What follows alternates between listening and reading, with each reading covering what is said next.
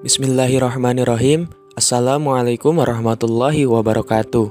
Jumpa kembali di podcast Ekonomi Politik kawan semua. Pertama, saya ingin ucapkan terima kasih kepada para pendengar yang selalu stay menunggu update podcast ini. Kedua, saya ingin ucapkan beribu maaf Karena kurang lebih dalam kurun waktu sebulan ke belakang Saya stuck tidak melakukan aktivitas pembuatan podcast dengan beberapa alasan, saya tidak meneruskan pembuatan podcast pada waktu itu. Namun, insya Allah ke depannya, semoga selalu diberikan kesempatan oleh Tuhan agar lebih istiqomah di berbagai kondisi dan keadaan. Amin. Oke, setelah mukodimah dan halal bihalal tadi, kok halal bihalal? Ya kan kita maaf-maafan. Jangan lama-lama ngambekkan dengan sesama hamba Tuhan. Maksimal tiga hari loh.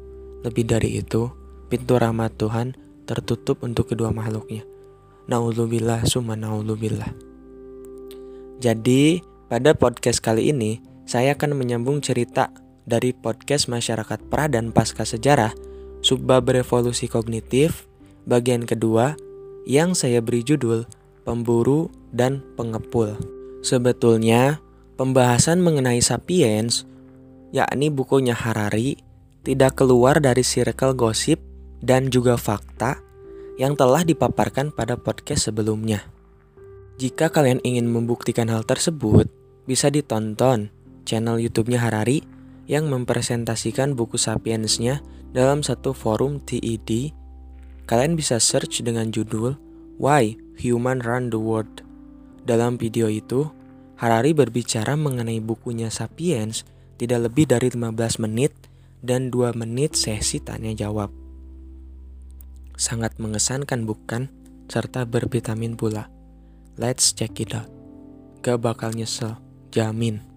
Jika seperti itu, lantas muncul pertanyaan. Terus, kenapa kreator atau saya berbelit-belit berbicara tentang masyarakat pra dan pasca sejarah, yang mana rujukan utamanya buku Sapiens Harari? Padahal, Penulisnya sendiri cukup singkat, padat, namun jelas memaparkan itu semua. Jika muncul pertanyaan seperti itu, saya hanya bisa menjawab dengan dua alasan. Pertama, podcast saya mungkin terdengar seperti bedah buku atau semacamnya. Namun, lebih dari itu, saya pun sebagai creator memiliki perspektif atau standing position terkait apa yang dijelaskan Harari dalam bukunya. Jadi, podcast ini bisa dibilang miniaturnya kajian pustaka dengan metode analisis induktif. Alasan kedua, yakni keterbatasan. Sebetulnya saya sendiri insya Allah sudah khotam buku tersebut. Namun, namanya manusia banyak lupa daripada ingatnya. Mungkin Harari sebagai penulis buku paham betul akan materi yang di, ada di bukunya tersebut. Secara beliau sebagai penulis sekaligus orang pintar. Bukan masalah untuk menyampaikan intisari buku tersebut. Terlebih, sebagai seorang akademisi, kita harus belajar sistemis atau sistematik dalam berbagai hal, termasuk epistemologi ilmu pengetahuan. Jadi jelas ya teman-teman semua, kenapa saya berbelit-belit dalam permasalahan masyarakat dan para sejarah ini. Oke, sekarang masuk kepada pokok bahasan kita mengenai pemburu dan pengepul. Kenapa namanya pemburu dan pengepul? Singkat saja, karena objek sekaligus subjek yang kita bahas, yakni mereka, pemburu dan pengepul. Pemburu dan pengepul merupakan penisbatan nama bagi orang atau manusia prasejarah sebelum zaman modern atau bercocok tanam. Pasti kalian sudah tidak asing dengan istilah maden atau nomaden.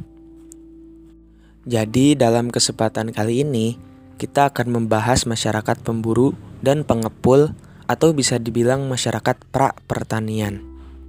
Jika seperti itu, lantas muncul pertanyaan. Kenapa kita membahas masyarakat pemburu dan pengepul? Apa korelasinya dengan podcast ini? Kalau audiens seperti itu, bisa saya klaim bahwa kalian adalah orang-orang kritis dari atas, kok muncul pertanyaan terus ya? Hehe. Oke, tapi akan saya jawab. Jadi, menurut cendikiawan psikologi evolusioner, pola kehidupan manusia modern atau pasca industrial atau postmodern atau poststruktural atau apalagi yang bisa menggambarkan masyarakat maju, pola kehidupan kita merupakan adaptasi dari pola kehidupan nenek moyang kita, yakni masyarakat pemburu dan pengepul. Jangan sampai lupa, kemarin kita sudah membahas teori taksonomi. Manusia berevolusi. Thomas Alva Edison bisa menciptakan lampu atau bohlam berawal dari anak kecil yang dicap mempunyai keterbelakangan mental atau kita sebut autis. Jadi segala sesuatu ada prosesnya. Adaptasi pola kehidupan kita bisa disegmentasikan ke dalam tiga kategori atau golongan. Pertama, pola makan, kedua, pola seksualitas, dan yang ketiga, pola konflik. Kenapa pola kehidupan kita merupakan adaptasi dari orang-orang pemburu dan pengepul di masa lalu? Jawabannya, karena kita satu gen. Masyarakat modern mewarisi DNA masyarakat pemburu dan pengepul. Sejarah tidak bisa dilepaskan dari batas-batas biologis. Namun, bukan berarti kita harus mengacu kepada batas tersebut saja. Seperti penyiar radio olahraga yang hanya menuturkan gambaran rinci lapang sepak bola, bukan mengamati apa yang dilakukan pemainnya. Batas biologis patut kita terima dan perhitungkan, namun mempetakan evolusi sejarah dari tindakan-tindakan yang dilakukan itu lebih bijaksana dan terarah.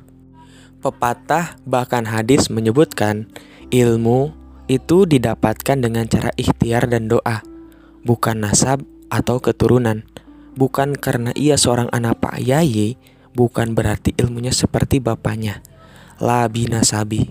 Teori Genrakus menyebutkan bahwa kecenderungan masyarakat modern untuk menyantap makanan yang berkalori tinggi dan makanan manis merupakan perwujudan dari nenek moyang mereka, yakni masyarakat pemburu dan pengepul, dan juga masyarakat pertanian.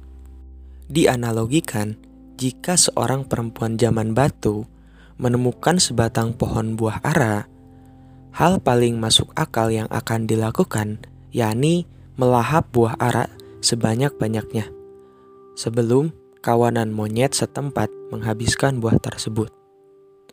Jika orang dengan pemahaman feminisnya tinggi, pasti akan bertanya, bahkan mengkritik terhadap pernyataan yang telah saya sampaikan barusan.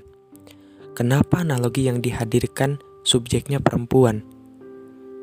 Saya mempunyai alasan tersendiri terhadap hal tersebut.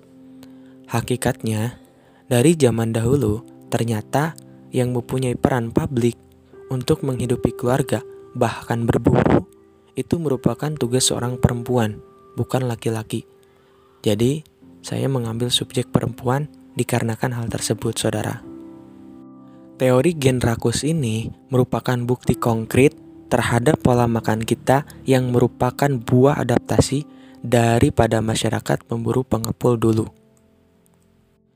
Kemudian kepada pola selanjutnya yakni pola seksualitas. Spekulasi daripada pendukung komune purba beranggapan bahwa di zaman modern ini tingginya angka perceraian dan beraneka ragamnya masalah psikologis yang derita oleh anak perempuan dewasa adalah sabab musabab dari akibat pola seksualitas yang memaksa alias tidak cocok dengan fitrahnya. Ya, serasa geli saya memakai diksi fitrah, namun perlu difahami fitrah di sini dalam artian asal muasal atau asal mula. Orang-orang pemburu pengepul merupakan masyarakat penganut mazhab komune dalam artian hubungan suami istri atau seksualitas bukan seperti hubungan seksual seperti masyarakat modern pada umumnya yaitu monogami. Seorang perempuan pemburu pengepul bisa berhubungan seks dan membentuk ikatan akrab dengan beberapa laki-laki dan perempuan secara bersamaan dan semua yang terlibat bekerja sama untuk merawat anak dari buah hasil hubungan mereka. Sungguh jahiliyah ya terdengar di kuping kita. Tidak berhenti sampai di situ. Ternyata hal semacam itu bukan utopia masyarakat modern semata. Hal tersebut dibuktikan oleh masyarakat Indian Bar yang melakukan hal demikian pula. Seorang perempuan yang tengah hamil dikatakan baik jika ia melakukan hubungan seksual dengan pria lain pada masa kehamilannya. Asumsi yang mereka gunakan menganggap bahwa seorang bayi yang tengah dikandung bukan hanya dari gen seorang pemburu ternama, namun ia harus menikmati kualitas-kualitas dari lelaki lain, seperti pejuang yang handal, kekasih yang penyayang, pemimpin yang bijak, dan lain sebagainya. Jika seorang agamawan mendengarnya, hal tersebut terkesan sangat jahiliyah. Namun, harus diingat kawan, agama berada pada posisi buah tangan budaya. Jadi, sebelum datangnya agama, aturan atau norma manusia sangat tidak teratur. Bahkan, setelah datangnya agama pun, manusia masih sangat tidak teratur, atau bahkan lebih tidak teratur. Namun, jangan riskan kawan. Penjelasan di atas hanya sebatas asumsi, bahkan bisa dibilang spekulasi. Hanya sedikit bukti yang membicarakan tentang dialektika mazhab komune dan monogami abadi. Cukup dijadikan hazanah dan ambil hikmahnya.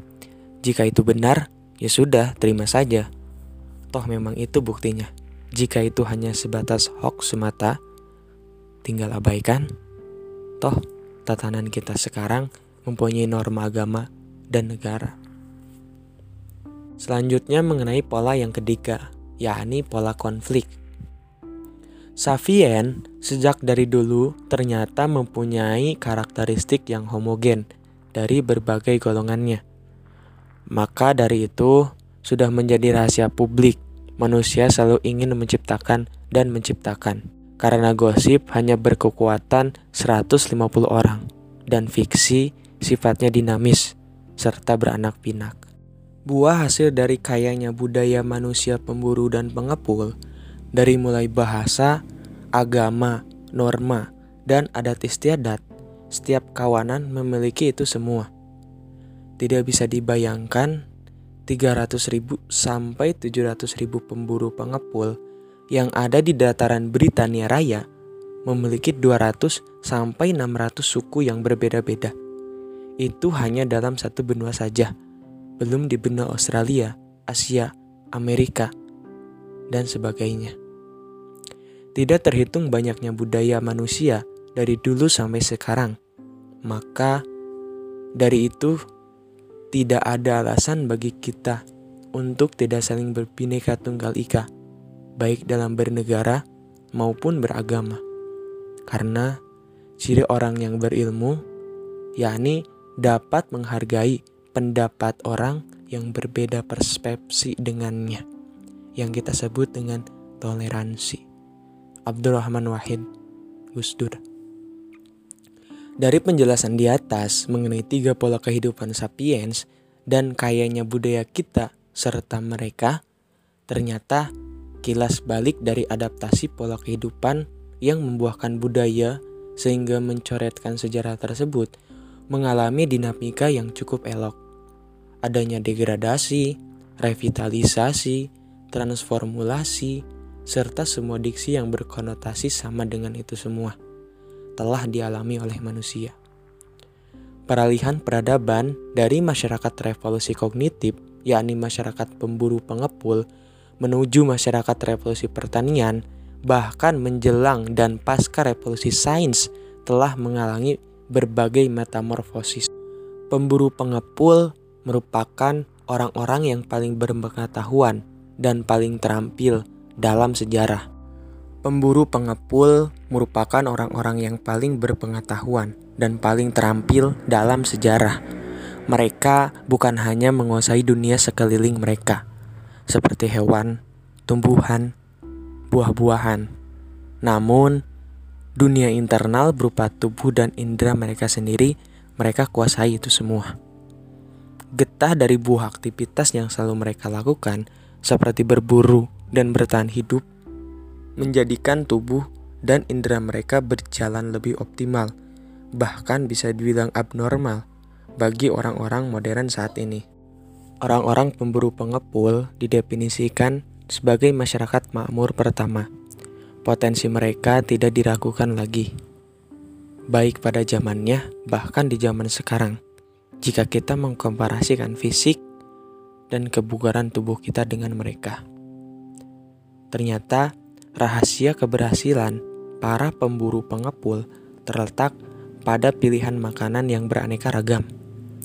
Orang-orang pemburu pengepul merupakan masyarakat ahlinya diet. Pola makan mereka bisa dibilang pos 4 sehat 5 sempurna. Keberagaman makanan yang dikonsumsi menjadi modal utama mereka dalam keberhasilannya.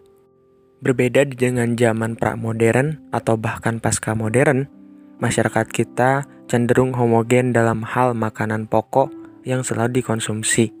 Seperti contoh petani di Tiongkok yang memakan beras atau nasi dari makan pagi sampai makan malam. Pola makan yang selalu memakan satu jenis makanan saja mengakibatkan kurangnya gizi dan nutrisi yang akan menimbulkan lemahnya fisik seseorang. Tapi, kenapa seorang santri yang setiap harinya makan dengan tempe dan minum dengan air keran sangat kuat, bugar, dan tidak rentan terhadap penyakit? Allahu alam, mungkin itu milik yang didapat santri dari sang kodim. Sebagian dari masyarakat agraris dan industrial merupakan hewan yang terdomestikasi. Sekarang, di tempat yang bernama Selandia Baru, terdapat 4,5 juta sapiens dan 50 juta domba. Domestikasi yang begitu besar terjadi pada masyarakat modern. Dan Hewan pertama yang didomestikasi oleh manusia ialah anjing. Para ahli berselisih pendapat mengenai tahun dimulainya. Namun, jumhur ilmuwan berpendapat sekitar 15.000 tahun silam pertama kalinya anjing didomestikasi oleh manusia. Kalimat hewan yang terdomestikan bisa ditafsirkan eulogia atau bahkan sarkasme kepada masyarakat agraris dan industrial – Tatanan kehidupan yang kian hari kian maju, manusia hanya dengan satu jarinya mampu melakukan aktivitas berat yang dilakukan oleh pemburu pengepul pada zamannya. Revolusi industri merupakan momentum penting terhadap kemajuan peradaban manusia sekaligus kemundurannya. Masyarakat pemburu pengepul bukan hanya mencari makan untuk bertahan hidup, melainkan mencari informasi dan pengetahuan agar bisa survive di pelataran bumi yang begitu kejam. Keadaan geografis wilayah haruslah dipahami oleh semua anggota kelompoknya, baik untuk mengumpulkan makanan yang bisa membuat perut mereka kenyang, makanan yang mungkin menjadikan perut mereka sakit atau beracun, dan makanan yang bisa dijadikan obat, ataupun mereka harus bertahan hidup dari hewan-hewan buas yang bisa menyerang mereka. Dari semua hal tersebut, mereka perlu mengetahui pergantian musim, tanda-tanda peringatan yang mendahului badai petir atau kekeringan. Mereka pun mempelajari setiap sungai, pohon, gua beruang, sumber batu api di sekitar. Bahkan setiap orang harus menguasai cara berburu, menajamkan batu untuk dijadikan alat tusuk, merapikan kembali mantel yang sobek, memasang perangkap kelinci, menghadapi longsor salju, menetralkan gigitan ular, dan sebagainya. Berbeda halnya dengan masyarakat pertanian dan juga industrial. Terlebih, saya ingin membicarakan mengenai fokus dari dinamika kaum industrial yang terdomestikasi oleh teknologi yang kita sebut dengan revolusi industri. Sudah menjadi wawasan umum revolusi industri merupakan salah satu dari penemuan peradaban modern yang sangat diakui manfaatnya.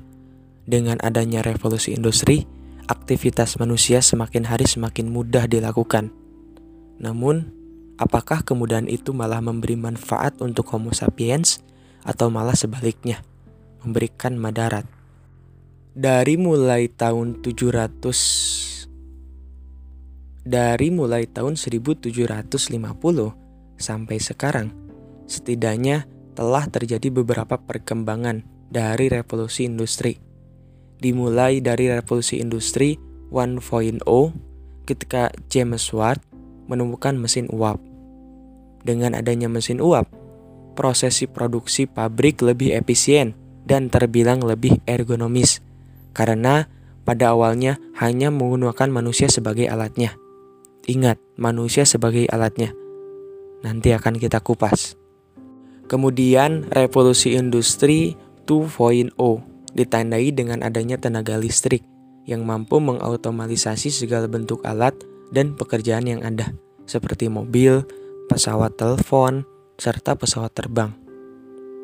Pada masa 2.0, manusia tidak lagi harus merambah semua pekerjaan yang ada, namun direduksikan untuk mengemban satu profesi yang ia kuasai dalam seluruh prosesi pekerjaan.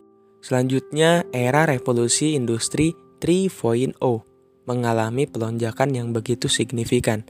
Pada fase atau era ini merupakan awal mula terciptanya dunia digitalisasi. Internet dan teknologi ditemukan pada era 3.0. Pada zaman 2.0, manusia hanya tergantikan karena listrik semata dalam hal tenaga. Namun sekarang baik tenaga maupun operasional pengerjaan, semua teremban oleh dunia otomatisasi.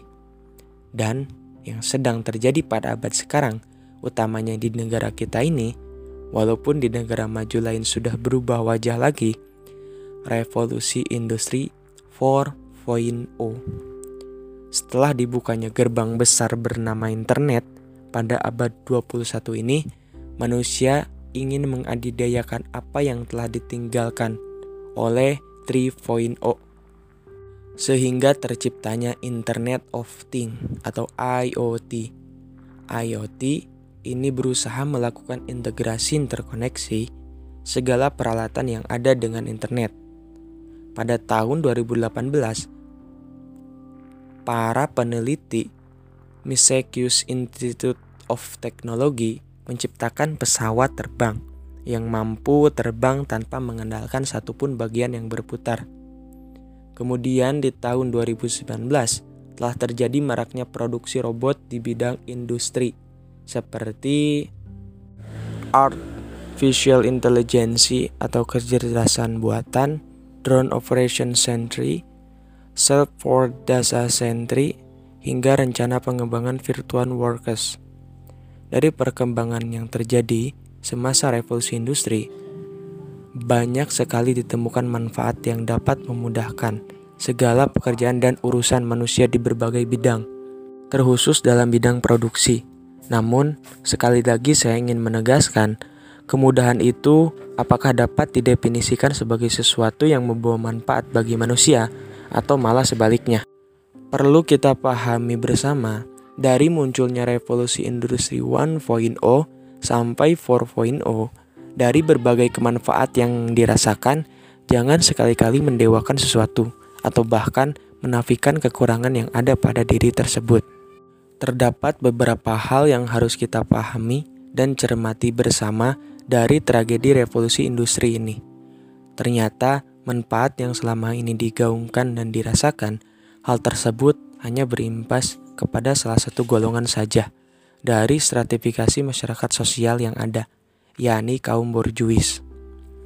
Orang-orang borjuis yang memiliki harta, tahta, mereka mengadidayakan penemuan para ilmuwan untuk memaksimalkan potensi produksi pabrik-pabrik mereka. Tenaga manusia dirasa kurang, bahkan sudah tidak lagi dibutuhkan, maka penemuan revolusi industri adalah jawabannya manusia telah tereksploitasi peranannya, baik dari awal munculnya mesin uap, listrik, internet, apalagi kecerdasan buatan seperti robot.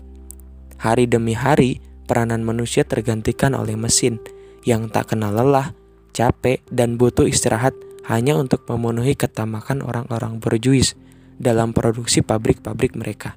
Jikalau kawan-kawan semua suka nonton kartun, recovery ulang memori kita tentang kartun Doraemon yang berjudul Doraemon, Nobita dan Labirin Kaleng. Dalam potongan film itu diceritakan tentang sesosok anak muda yang lumpuh kedua kakinya dikarenakan tidak pernah lagi melakukan aktivitas kehidupan seperti orang pada umumnya. Semua aktivitas atau kegiatan yang biasanya dilakukan oleh manusia sekarang tergantikan oleh robot, baik bercocok tanam, produksi pangan, industri, bahkan hal terkecil seperti menggunting kuku, semua serba otomatis dilakukan oleh robot. Manusia terdomestikasi oleh robot, sehingga segala kebutuhan bahkan keinginannya tercover oleh robot. Jika teman-teman semua telah membaca series buku Harari yang ketiga, yaitu 21 Lesson for the 21st Century, dalam bukunya disebutkan bahwa manusia dihadapkan pada masalah yang diidentifikasi oleh Harari, yakni irelevansi. Ingin tahu apa definisi irelevansi? Baca bukunya, bro. Haha. Untuk itu, kawan, kita telah mengetahui problem bersama yang semua manusia rasakan terhadap perkembangan zaman ini. Jadikan problem sebagai solusi. Cari peluang di setiap masalah yang ada jika semua orang merasakan masalah dalam perkembangan zaman, tidak mungkin dong akan adanya Microsoft Office, tidak mungkin akan adanya jual beli yang menghilangkan batas teritorial negara yang bernama Amazon, tidak mungkin seluruh manusia di bumi bisa satu akses bertatap muka, saling mengirim kabar kalau tidak ada Facebook, WhatsApp, Instagram, semua itu telah dalam satu saham Mark. Orang-orang sukses tersebut merupakan orang oportunistik, memanfaatkan keadaan sebaik mungkin, mentranslate pressure menjadi chance, menikmati kesempatan dalam kesempitan, memanfaatkan jatah gagal menjadi jatah belajar. Bagi mereka, sukses itu ketentuan, bukan pilihan. Sekiranya standing position kita ingin di blok mana, pecundang atau pemenang kembali lagi kepada masyarakat pemburu dan pengepul. Di muka telah dipaparkan mengenai kekayaan budaya yang mengkonstruk peradaban. Ternyata, orang-orang prasejarah yang mengalami konflik yang sama dalam hal beragama, agama mereka tergolong kepada dua kategori. Dan kategori tersebut menjadi cikal bakal agama sekarang ini, yakni animisme dan teisme. Animisme adalah nama bagian ribuan agama, kultus, dan kepercayaan yang berbeda-beda. Animisme percaya bahwa tidak ada partisi antara manusia dengan makhluk-makhluk lain, baik supranatural maupun natural. Teisme adalah pandangan bahwa tatanan semesta didasari dengan hubungan hierarkis antara manusia dengan sekelompok supranatural yang disebut dewa-dewi.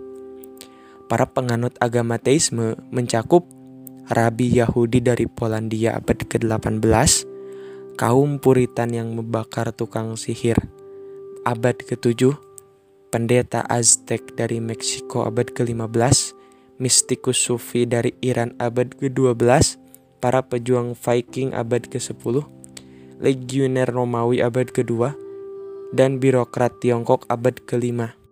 Masing-masing dari mereka menganggap bahwa kepercayaan atau praktik orang dari luar golongannya adalah sesat atau salah, dan golongan mereka yang paling benar, terbenar, dan harus dibenarkan.